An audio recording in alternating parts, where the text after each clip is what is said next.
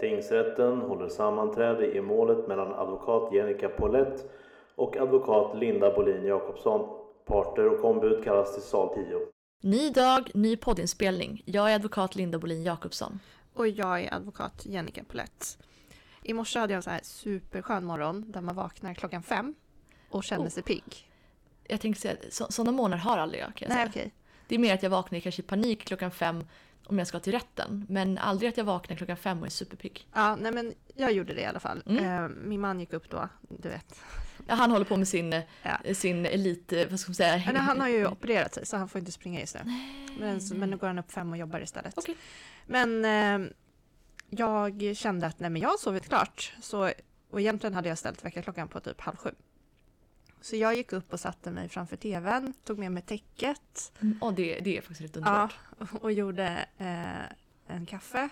Och sen så tittade jag på, hittade någon ny Netflix-serie som hette eh, Unga rika afrikaner. Mhm. Och det handlar då om ett gäng typ skådisar och eh, artister Mm. som är väldigt välbärgade. Och de, de flesta bor i Sydafrika. Men några av dem bor i andra länder. Mm. Men alla bor i Afrika? Alla bor i Afrika. Mm. Och eh, det, det, var, det var väldigt extremt kan jag säga. Men det var... Ja, jag vet inte om jag kommer titta på det igen, men jag såg i alla fall ett och ett halvt avsnitt idag. Mm. Och när alla liksom samlades i familjen runt det här. Det, till och med den lilla, han tyckte det var helt fantastiskt. Han bara, åh det är prinsessor. För de hade liksom så stora klänningar.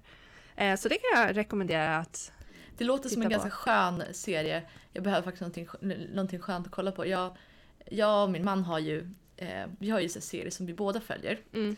Och sen så har vi lite serier som vi ser på liksom separat. Mm. Och alla serier som jag har kollat på nu eh, har ju typ så här lagts ner.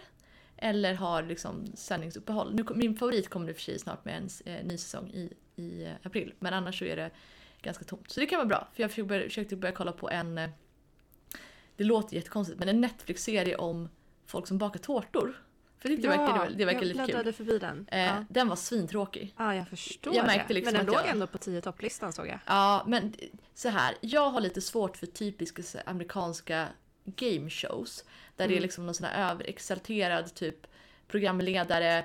Och sen så, ja men så här, som typ, och så är det massa människor som är där som är i ganska stort behov av pengar ofta som är i såna game shows. Och sen så är det typ ett omöjligt att vinna. Jag får liksom lite ont i magen. Jag får så dåliga vibbar bara. Mm. Och sen de här, eh, alltså programledarna är alltid så här äckligt fixade, äckligt slemmiga och så här lite för, li, lite för liksom mycket Hollywood smile. Så att jag kände bara nej. Så jag gick över till och började kolla på Robinson istället. Mhm. Till första året sen jag föl, följt det sen det gick på tv och jag var liksom typ liten och satt med mina föräldrar i soffan på en lördag liksom. Mm. Så att eh, ja. Nej men ja, om du vaknade halv fem eller fem och du sa var pigg så vaknade jag istället klockan sju och undrade verkligen om jag hade ställt klockan fel. För att jag tyckte det såg så mörkt ut ute och jag kände mig så trött. Jaha, men det var ljust när jag gick upp. Ja, jag har ju väldigt, eh, jag har ju såna här mörkläggningsgardiner verkligen. Mm. Ja, men det har jag också. Så Jag att- kan inte sova om det är ljust. Jag har inga problem med det, min man är väldigt så. Men han hade stängt till dörren ganska mycket när han gick, vilket han inte brukar göra. Så då tyckte jag det var väldigt mörkt. Mm. Och så var jag rädd att det skulle vara snö ute. För att mina vänner i Danmark fick typ en decimeter snö igår. Eh, Ja. ja, Nej, nu vill vi ha vår. precis. Eh, I veckan som var så har jag ju varit eh, och besökt ett jourhem. Mm. Och jag blir alltid så imponerade av de här jourhemsföräldrarna. Hur liksom osjälviska de är. Och i det här fallet var det ganska många syskon de hade fått ta hand om. Och det... Alltså från, från ett och så från en ensamma familj. Ja, precis. Eh, så de hade ju liksom tagit alla barnen så att de inte behövde säras på. Och det var ganska stor spridning. Det yngsta barnet var alltså litet. Okej. Eh, så de hade verkligen fullt upp. Men så blev det lite konstigt därför att i, eftersom det är så himla många barn och det är både alla barnen har varsitt offentligt biträde då för själva LVU-processen Mm. men sen har också alla barnen en egen särskild företrädare Okej. i brottmålet. Eh, Så det har blivit lite råddigt för den här jourmamman att orka liksom, ha kontakt med åtta Du, det förstår advokater.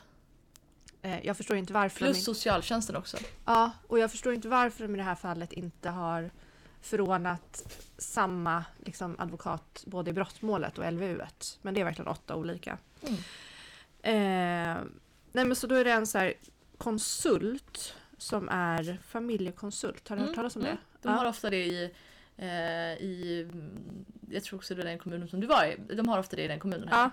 Här. eh, som då ska vara mellanhand. Mm. Så då ska jag kontakta den personen för att boka in ett möte med min klient. Mm, okej. Så då behövde ju han kontakta jourhemsmamman. Så jag Ah. förstår inte riktigt poängen. Nej, i de fallen som jag har haft konsulter har det mest varit att de har liksom varit en mellanhand typ mellan socialtjänsten och familjehemmet. Ja. Men jag har inte haft så mycket med dem att göra. Nej, eh, det var bara det att det den här familjekonsulten hade sagt till jourhemsmamman var att jag skulle komma och hämta barnet. Så jag bara kommer in Så där. de trodde det var särskild företrädare istället? Måste det ha varit i så fall. För det är ju enda gången man hämtar barnet. Ja, ja. Men jag kom i alla fall in där, började ta av mig skorna och hon bara “Jaha, vill du komma in?” Och jag bara “Ja, ja det vill jag”. Eh, och så började jag ta av mig jackan och hon bara “Ja, men så här bor vi, eh, typ när, när ska ni åka?” Och jag bara “Nej, alltså vi ska vara här”. Ja. Och det var mitt när de höll på att göra lunch till alla de här barnen. Ah. Och hon bara, åh jag önskar att jag hade vetat det, då hade jag kunnat planera bättre. Men det var, det var inte mitt fel. Men det gjorde bara ännu mer att jag kände att den här familjekonsulten kanske inte... Nej, här blev det ju inte så bra. Nej, här blev det inte. Det blev ju sämre för dem. Eh, Var barnet förberett också på att ni skulle åka iväg någonstans? ja, För då blir det ju också så här konstigt. Alltså så att, Ja. Säkert väldigt skönt för barnet att inte åka iväg men också väldigt förvirrande. Så här, okej, men vem är du och varför ska vi inte åka iväg och så vidare. Liksom. nej, nej men precis. Eh, ja, men eh, ja, det var också så här man kände att, åh, kan jag ta med mig de här hem? Mm. Ja, men idag så ska vi ju prata om barnkonventionen. Ja, precis. Och eh, vi hade ju ett avsnitt om barnkonventionen förra året. Och då hade ju barnkonventionen, eh, då var ju barnkonventionen inne på sitt andra år. För barnkonventionen blev ju så att säga direkt införlivad i, ett, i svensk lag, det vill säga att man kan åberopa den liksom, konkret direkt som vilken lag som helst från och med 1 januari 2020. Så nu är ju barnkonventionen inne på, sin, på sitt tredje år. Och, Men, men vi kanske ska säga där att den ändå har varit, vi skrev ju under den 1990 så Precis. den har ju gällt även tidigare. Ja, men nu är det liksom mera... Nu, nu skulle jag säga att e- efter den här så blev det liksom mera eh, konkret användbart. Om man ska liksom prata Inte flum längre juridiska. utan nu, nu är Precis. det en dag. Ja. Eh, och de fyra grundprinciperna, det är ju liksom, barnkonventionen är väldigt lång, men de fyra grundprinciperna är att alla barn har, rätt, har samma rättigheter och lika värde, att barnets bästa ska beaktas vid alla beslut som rör barn, att alla barn har rätt till liv, överlevnad och utveckling och att alla barn har rätt att uttrycka sin mening och få den respekterad. Och jag tänker att speciellt eh, har rätt att uttrycka sin mening och få den respekterad och att barnets bästa ska beaktas vid alla beslut som rör barn. Det är ju de som får kanske mest konkret användning i, i, liksom, i de rättsområden som vi jobbar med. Och eh, när vi så att säga pratade om det här förra året så var ju i vart fall jag lite besviken på, inte förvånad, men lite besviken på hur den här tillämpningen hade blivit i praktiken. För jag upplevde inte att eh, barnkonventionen hade fått så stort genomslag som jag kanske hade tänkt att den skulle få i olika typer av rättsprocesser. Och nu pratar jag främst om eh, vårdnadsmål, LVU, asyl och eh, eh, brottmål som rör barn. Nu Mm. tänker jag mer ur brottsofferperspektivet. Att vi jag- var väldigt skeptiska. Ja, Eller ja, försiktigt positiva kanske vi ska säga. precis. Alltså vi var positiva till det men upplevde att det var liksom väldigt abstrakt och svårt att tillämpa. Och att när man liksom försökte åberopa det så fick man inte så mycket gehör från den andra sidan.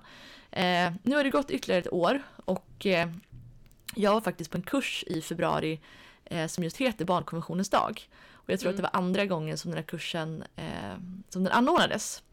Och då tyckte jag det var väldigt kul att se för det var väldigt många blandade människor som var med där. Dels var det eh, om det var chefsrådmannen eller lagmannen, jag kommer faktiskt inte ihåg om jag ska vara ärlig, från Göteborgs, eh, Göteborgs tingsrätt. Som jag faktiskt haft i vårdnadsmål tidigare. Mm. Som pratade om hur de liksom har ja, men blivit lärda liksom via internutbildningar och liknande. Mm. Eh, liksom hur, hur man konkret ska liksom tillämpa barnkonventionen. Hur, eh, och hur man liksom konkret ska kunna liksom, bemöta när ombud tillämpar det här. Vilket var jätteintressant för man får ju väldigt sällan höra sådana saker. Mm. Eh, Men, men det, det märks tycker jag. Alltså, det märks att domare nu har koll och att de tycker Ja. att det här är relevant. Det låter jättemärkligt att jag ens säger så men, men eh, jag tycker att man stöter på domare som nu men, tar upp det ja, i, i alla olika typer av mål som vi har. verkligen. Och precis som i andra lagar så är det inte att man liksom pratar om så här, typ barnkonventionen artikel 4 utan att man mer man pratar liksom om inne, innehållet i den. Som just det här att, som, som jag sa, just eh, den delen, artikel 12, att alla barn har rätt att uttrycka sin mening och få den respekterad. Mm. Det tycker jag, alltså den, den meningen har jag liksom sett i både jag menar, alltså både så här vårdnadsutredningar, eh, när man gör, ska göra analys och bedömning, eh, och även det här att barnet, barnets vilja ska beaktas. Och det är ju en del från föräldrabalken, men man är ändå liksom spunnit vidare på den betydelsen som är i, i barnkonventionen. Mm. Eh, och jag tyckte det var så kul. Nu, jag är ju duktig som vi har pratat om, att jag börjar prata om en sak och sen så börjar jag prata om någonting annat.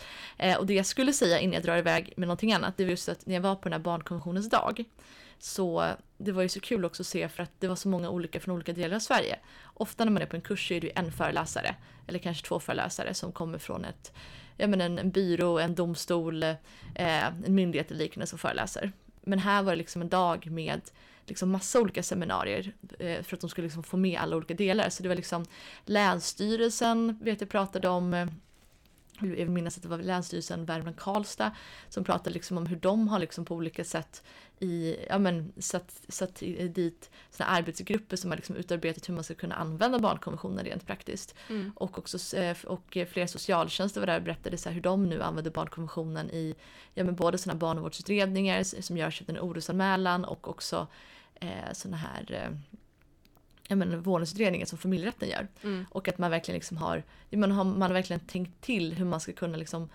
pussla in det här. Eh, så att det ska liksom bli konkret användbart och inte någonting liksom bara abstrakt att man hänvisar till en, liksom, en, en artikel men man kan inte göra någonting med den. Mm. Så det tycker jag är jättekul att se. Så att, eh, det tog jag med mig mycket från den dagen och att jag också märkte att det var ett väldigt stort intresse för barnkonventionen.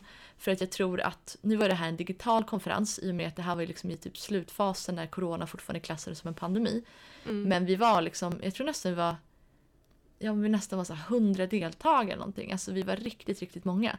Och då var det ju, det var jurister, advokater, det var liksom folk från näringslivet och det var ja, men, socialsekreterare, studenter, folk från kommuner. Det var kul att se att det här var så stort, för det här var ändå liksom en, beta- en betalkurs. Mm. Vilket gör att då är det ju liksom bara folk som faktiskt är liksom genuint intresserade av det här. Ja, men kul att det är går. andra, andra än vi som ser oss som barnadvokater som faktiskt bryr sig om, Precis. om barnen. Ja, nej men så jag kände att från början så ja, verkade många tycka att barnkonventionen, det var bra att det skulle bli lag. Många tyckte det skulle bli, att det blev ganska jobbigt. Eh, många aktörer, för de visste inte hur de skulle liksom göra och ställa om och så. Men nu känner jag liksom att folk har blivit mer, liksom, att folk har blivit mer positiva och mindre, mindre rädda för barnkonventionen. Mm. Och, och så här, de som var flitigast att använda barnkonventionen eh, innan den blev lag, det vill jag påstå var mina klienter. Mm, mm. För det har jag alltid fått höra genom åren att men i barnkonventionen står det så Oh ja. här och så här. Men idag så är ju skillnaden att idag kan jag ju faktiskt ta in det i en plädering utan att ja, men, utan att känna att domstolen tycker att jag är dum i huvudet Ja, eller precis. motpartsombudet eller liksom någon. Utan nu är det, jag vill säga att det är antingen, alltså det jag tycker ofta att man uttrycker, alltså man uttryckligen hänvisar till barnkonventionen. Men också som du var inne på att man alla förstår att man pratar om Mm. barnkonventionen men att man bara säger vad, vad barn har för rättigheter. Precis, precis. Ja men det känns ju som att det har blivit mer typ socialt accepterat, om man ska säga, i, i domstolsvärlden. Mm. För att jag upplevde att de första gångerna som jag använde barnkonventionen, det var ju i asylmål faktiskt. Mm. Eh, där, för där liksom också, där passar barnkonventionen som handen i handsken ganska ofta. När man liksom pratar om eventuella liksom risk, risker att utvisas. Ja, men precis. För då är det både liksom barnkonventionen och Europakonventionen som har liksom använts ganska flitigt. Men annars när man pratar liksom internationell lagstiftning så är det så här Ja men det, det, är rätt off, det är rätt sällan, jag skulle vilja säga, ja, men är vårdnadsmål att någon börjar prata om, vår, om eh, Europakonventionen. Mm. Eh, så och gör man det så kommer det inte finnas med i domstolens domskäl. Vad roligt, för jag säga. läste faktiskt en LVU-dom igår. Eh, där just om Europakonventionen? där Europakonventionen kom in. Därför att då hade eh, föräldrarna, eh, det här är inte något mål som vi har på byrån, Nej. utan jag satt bara och letade liksom praxis. Men då hade föräldrarna, när de fick nys om att det skulle bli ett LVU, men innan beslutet om LVU hade tagits, Mm. så hade de dragit till sitt hemland som var Polen. Ja. Och då gjorde de en invändning att, att Sverige inte längre kunde pröva. Och då hänvisade de till Europakonventionen. Okej. Ja, då, då var det ju en, en, ska säga, skälig grund, men då var det inte det här allas rätt till liv och hälsa, alltså mer, alltså, mer den delen, alltså mänskliga rättigheter i Nej. den delen, liksom EKMR, utan alltså, Nej. Men jag kanske bara ska säga då också att kammarrätten, jag tror att det var i Sundsvall, eh, kom i alla fall fram till att eh, de visst kunde eh, besluta om det. Mm. Eh, så att det blev ett LVU. Men däremot så stod det att det hade inte gått att verkställa. Nej, jag tänker det blir svårt för jag misstänker att inte svenska staten har behörighet att liksom åka till ett annat land på ett annat territorium. Nej, då skulle det ju finnas en överenskommelse mellan länderna att, Precis. Precis. eh, om, om att man överför barn. Men jag tycker det faktiskt är eh, väldigt spännande om man tänker liksom, om vi pratar lite konkreta exempel här, vad man har stött på. För att det är så här, jag tror att det, kommer, det har liksom smugit sig på gradvis.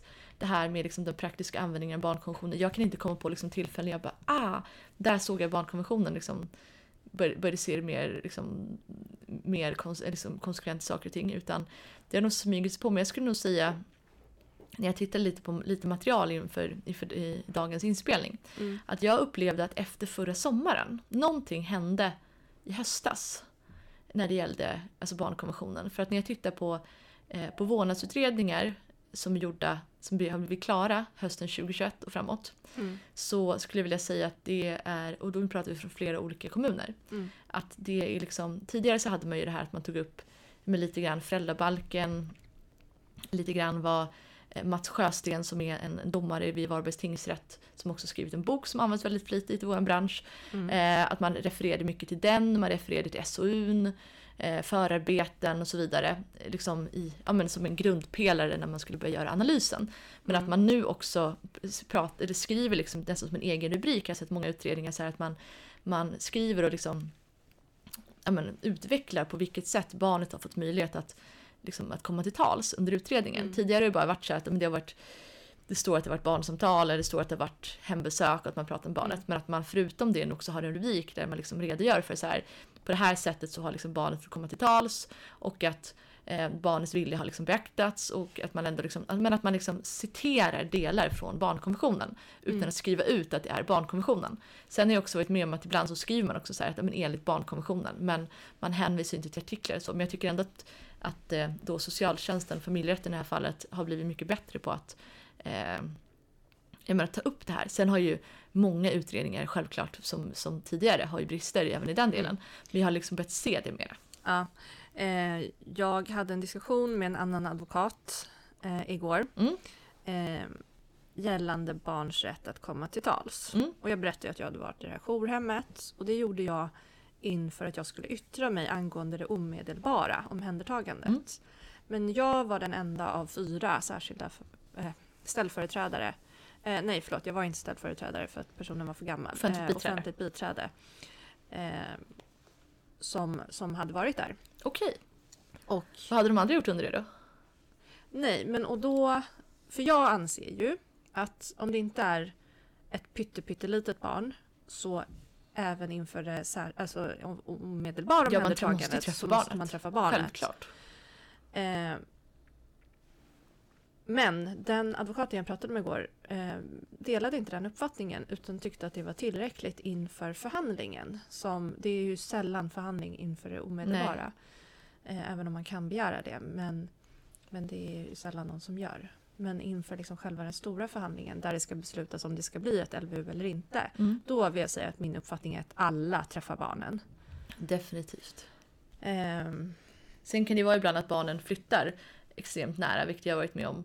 Eh, den förhandlingen, då har man liksom fått tillgodogöra sig med ett videomöte. ja, men då har det också ofta varit äldre barn, så det har, Ja. det har funkat bra. Ja men det var till exempel, jag var i kammarrätten eh, här nyligen och då var det ett väldigt litet barn.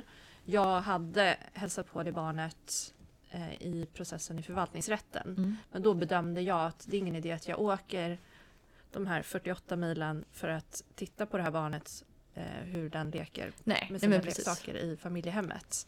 Utan då tyckte jag att det var liksom tillräckligt att prata med familjehemmet. Och liksom, det hade inte gått så lång tid heller. Det var ju liksom inga förändringar.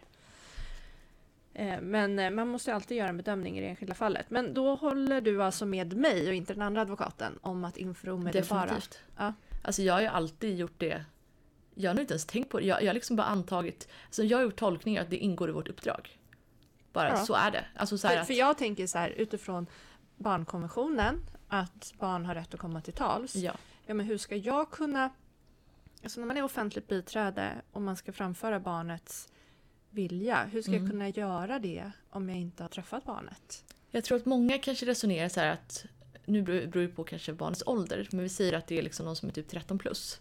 Då tror jag att många resonerar att men om jag pratar med barnet så räcker det. För att vissa barn är ju väldigt åldersadekvata och där kan man ju nästan få fram... Jag vet någon i ärlighetens namn som jag inte har träffat inom, in, eh, inför det omedelbara omhändertagandet för att ni hade liksom inledande kontakter med barnet så märkte så, så, så här, det var ett väldigt åldersadekvat barn som var väldigt tydlig med vad den ville. Det var ett ganska stort avstånd och barnet var inte liksom... Jag, jag vet att jag frågade barnet själv hur barnet kände kring den delen. Eh, med liksom möte och liksom hela Ja. den biten för att jag själv kände så att jag fick så mycket information i det här samtalet vi hade, vi pratade säkert en timme. Att jag kände så här att okej, inför det omedelbara, för, för den medgav också ska jag säga, inför det omedelbara omhändertagandet så kände inte jag kanske riktigt att det fanns det behovet. Och då frågade jag liksom barnet hur barnet kände. Och då tyckte liksom barnet att men, alltså barnet t- såg liksom ingen anledning med det just för att, för att den medgav och den liksom var själv varit liksom typ drivande i att bli placerad. Men däremot hade det varit liksom omvänt att det hade varit någon som verkligen liksom bestred men kanske hade varit ganska fåordig. Då hade jag känt direkt så här vi måste träffas nästan oavsett vad barnet eh, känner för att jag, jag får inte liksom upp, den uppfattningen jag behöver för att kunna yttra mig. Nej. Men uteslutande skulle jag säga ja, man behöver träffa barnet. Ja. Och man behöver träffa barnet inför också eh, eventuellt en förhandling i kammarrätten. För det kan ju dröja flera månader emellan. Liksom. Ja, ja Så att det absolut. kan bli alltså, en- absolut. Om det är ett barn som är tillräckligt gammalt för att kommunicera så då bättre att träffa ett barn en gång för mycket än en gång för lite. Definitivt. Jag skulle tycka det var väldigt pinsamt att sitta på en förhandling för att vi får ju alltid redogöra för våra kontakter med barnet. Mm. Och att då säga så här, nej jag har inte träffat barnet. Alltså, Nej precis, men vi hade sista kontakt för tre månader sedan. ja. Men, men över, till barn, eh, över till våra erfarenheter om barnkonventionen. Eh, jag tänker, hur, hur, har du använt barnkonventionen i pläderingar och sånt mer nu, skulle du säga, sista året, än du gjort tidigare? Utifrån jag tänker det som vi har själva upplevt att, att det liksom blivit mer... Eh, ja, acceptabelt. alltså om vi då... Jag är på samma linje som dig att innan det här så var det inom asylen som jag använde barnkonventionen. Eh, nu eh, men, jobbar jag inte så mycket med asyl längre eh, så jag vet inte om det har blivit någon skillnad där. Men eh, när det gäller då brottmål, LVU och vårdnad så skulle jag säga absolut. Mm. Absolut. Ja men det är samma eh, här. Eh, Sen, ja, det är inte alltid att jag benämner ordet barnkonventionen. Men, men jag sitter ju inte heller och pratar om föräldrabalken.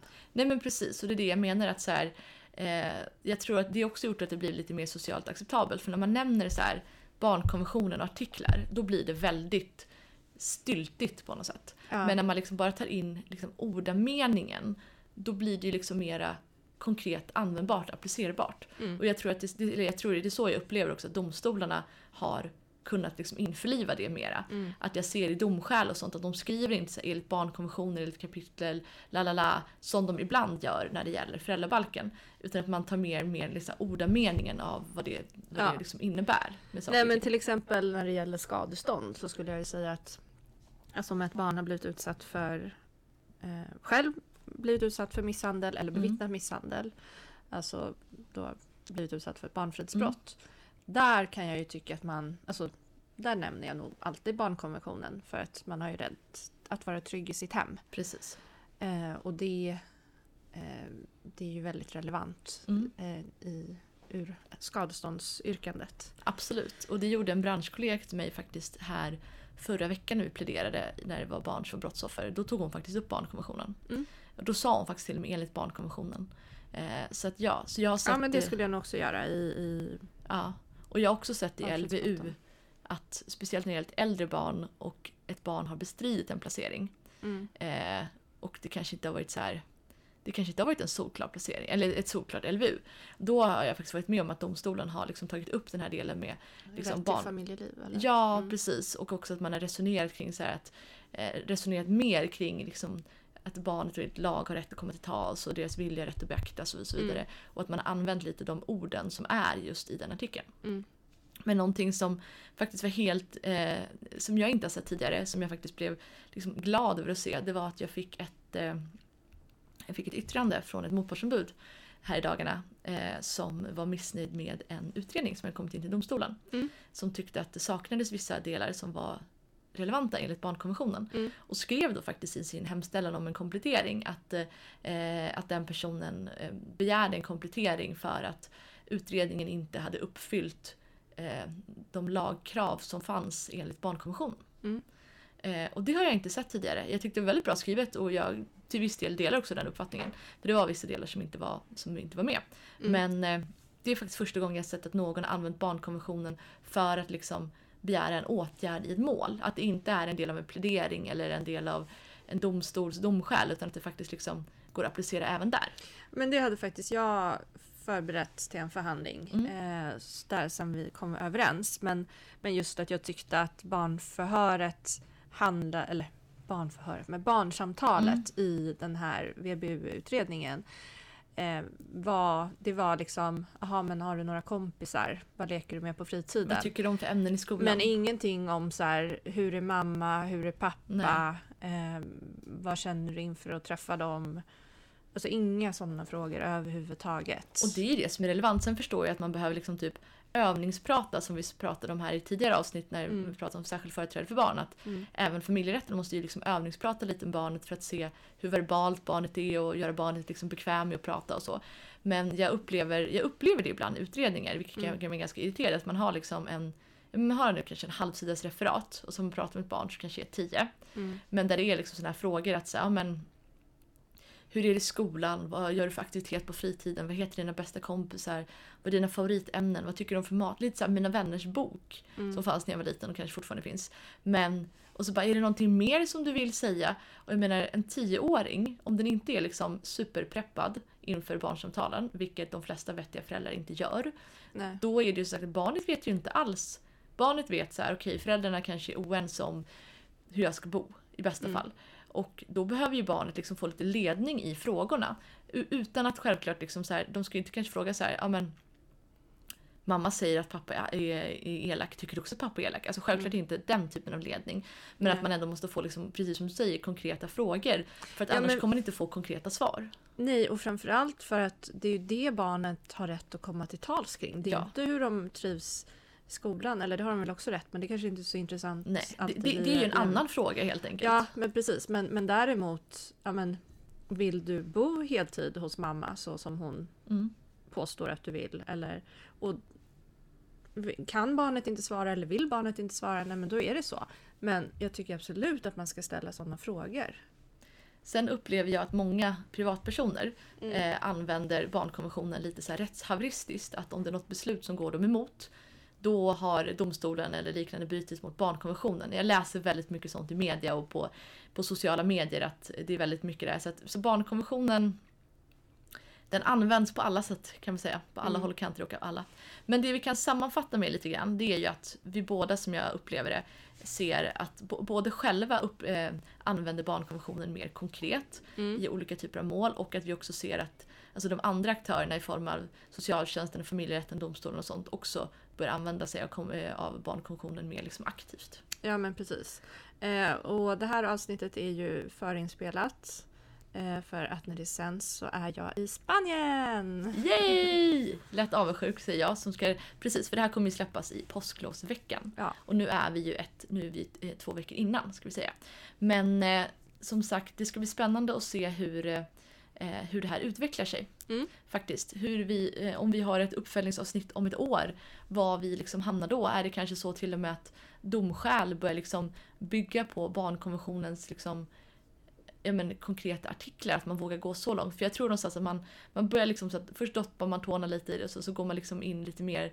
För att överhuvudtaget den världen som vi jobbar i är ju inte jättepigg på förändringar. Det tar tid för förändringar att slå igenom. Mm. Så att jag tror definitivt att det kommer ta Det kommer ta tid innan man hittar ett sätt att liksom till fullo använda det här på, på ett sätt som liksom faktiskt konkret funkar. Men jag ser definitivt en väldigt stor förbättring det senaste året. Mm. Och det är väldigt kul att se för oss som jobbar så mycket med barn. Jag tänkte på det nu när du sa det här, eh, som, jag tyck, som jag verkligen håller med om. Eh, vad mycket lagändringar det har skett Senaste åren bara ja. ja, på Och våra förslag, tänker jag också nu ja, med- och förslag, LVU ja, och så. Oh ja. Eh, om man tänker på hur det varit de andra åren, då har det liksom varit ganska gammal lagstiftning. Ja, det Men det är ju känd- kul att det händer saker även på Verkligen. vårt område. Ja, och det är kul att få vara en del av det. Och på tal om eh, det så ska nästa vecka så ska vi prata om eh, uppföljning av barnfridsbrottet som nu fyller ett år första juli. Och det är ju också en ny, eh, ny lagstiftning. Ja, Eh, så det, det kom du in på snyggt. Ja. Eh, så det ska vi prata om då. Vi har haft mycket mål sådana själva och då ska vi prata om hur det faktiskt har blivit konkret.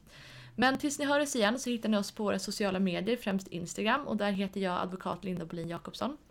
Ja, vi får ofta höra att vi är väldigt aktiva där. Ja. Jag heter advokat Jennica Palett. Tack och, för att ni har lyssnat. Och, och, och, och det jag ska lägga till som våran kära producent som fixar våra avsnitt brukar påminna mig om som jag inte har lyckats med.